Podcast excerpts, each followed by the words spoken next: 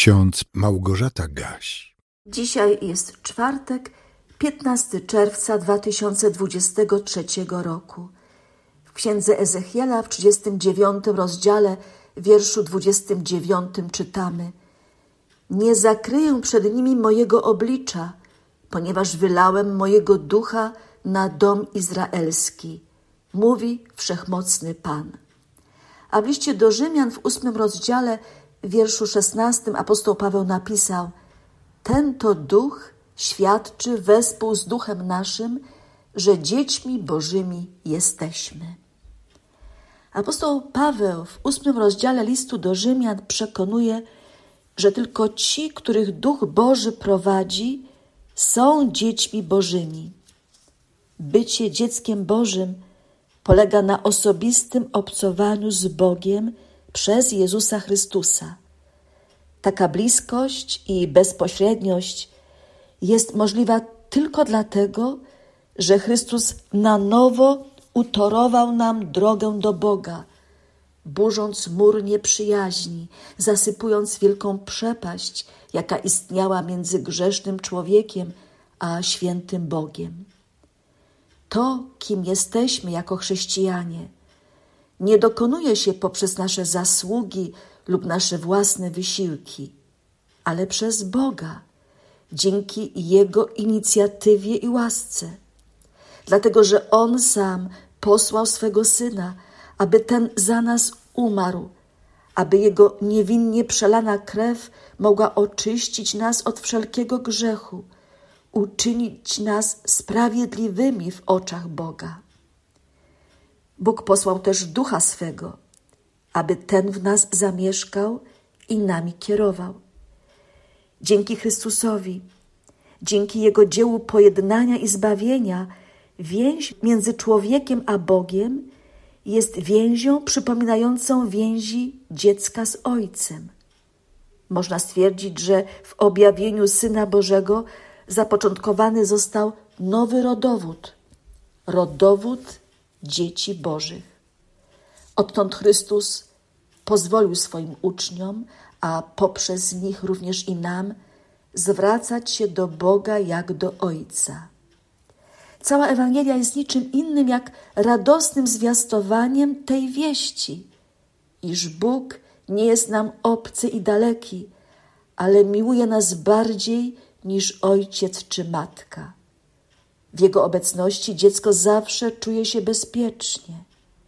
Ktoś powiedział, że chrześcijaństwo jest religią synów i córek, a nie religią niewolników.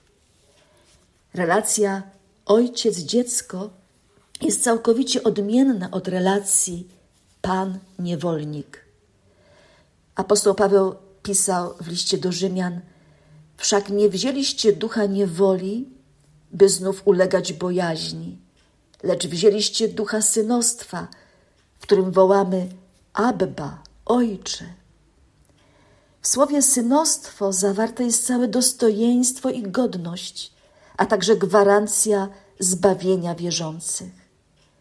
Pewność synostwa jest też pewnością zbawienia. Taką pewność posiadają tylko ci, którzy poddają się prowadzeniu Ducha Bożego. W mocy tego Ducha potrafią zwracać się do Boga z dziecięcą ufnością, z odwagą, z serdeczną prośbą. Ojcze, przyjmij mnie. Ojcze, przebacz. Ojcze, pozwól rozpocząć nowe życie. W mocy tego ducha potrafią uwierzyć, że ze względu na Jezusa Chrystusa Bóg przyjmuje.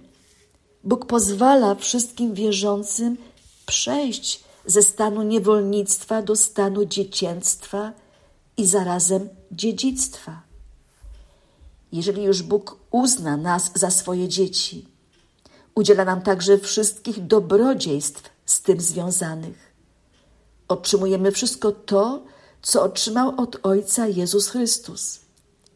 Dziedzictwem Bożym jest Jego chwała i życie wieczne lecz dziedziczymy je tylko w społeczności z Chrystusem jako uczestnicy Jego dziedzictwa. Podobnie jak tylko z Nim i przez Niego jesteśmy dziećmi Bożymi. Apostoł Paweł w czternastym wierszu tego ósmego rozdziału listu do Rzymian napisał: Ci, których Duch Boży prowadzi, są dziećmi Bożymi. W naszym kalendarzyku z Biblią na co dzień odnajdujemy na dziś zapisaną krótką refleksję księdza Jana Motyki. Duch Święty zgromadza, tworzy wspólnotę wierzących, prowadzi do zrozumienia, że Królestwo Boże na ziemi może być zrealizowane tylko wspólnym wysiłkiem wszystkich, którzy serca swoje poddali działaniu Ducha Świętego i ściśle z nim związanego Słowa Bożego. Siostry i bracia, życzę Wam dobrego dnia. Życzę Wam tego, byście każdego dnia cieszyli się tym, że jesteście prowadzeni przez Ducha Bożego. A pokój Boży, który przewyższa wszelkie ludzkie zrozumienie, niechaj strzeże waszych serc i waszych myśli w Jezusie Chrystusie ku żywotowi wiecznemu. Amen.